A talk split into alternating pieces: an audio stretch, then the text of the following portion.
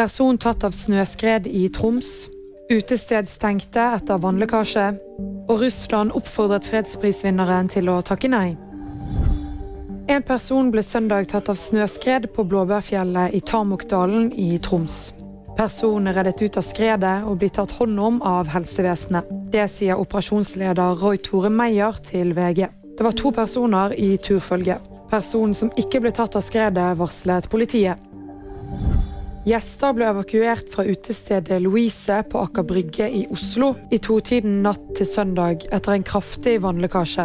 Gjestene fikk ikke tid til å hente jakker eller eiendeler og måtte stå ute i ti minusgrader. Dette førte til kaos og til tider amper stemning, forteller bargjester som VG har snakket med. Brannvesenet forklarer at det er en del av sprinkleranlegget i underetasjen på utestedet som har røket og forårsaket lekkasjen.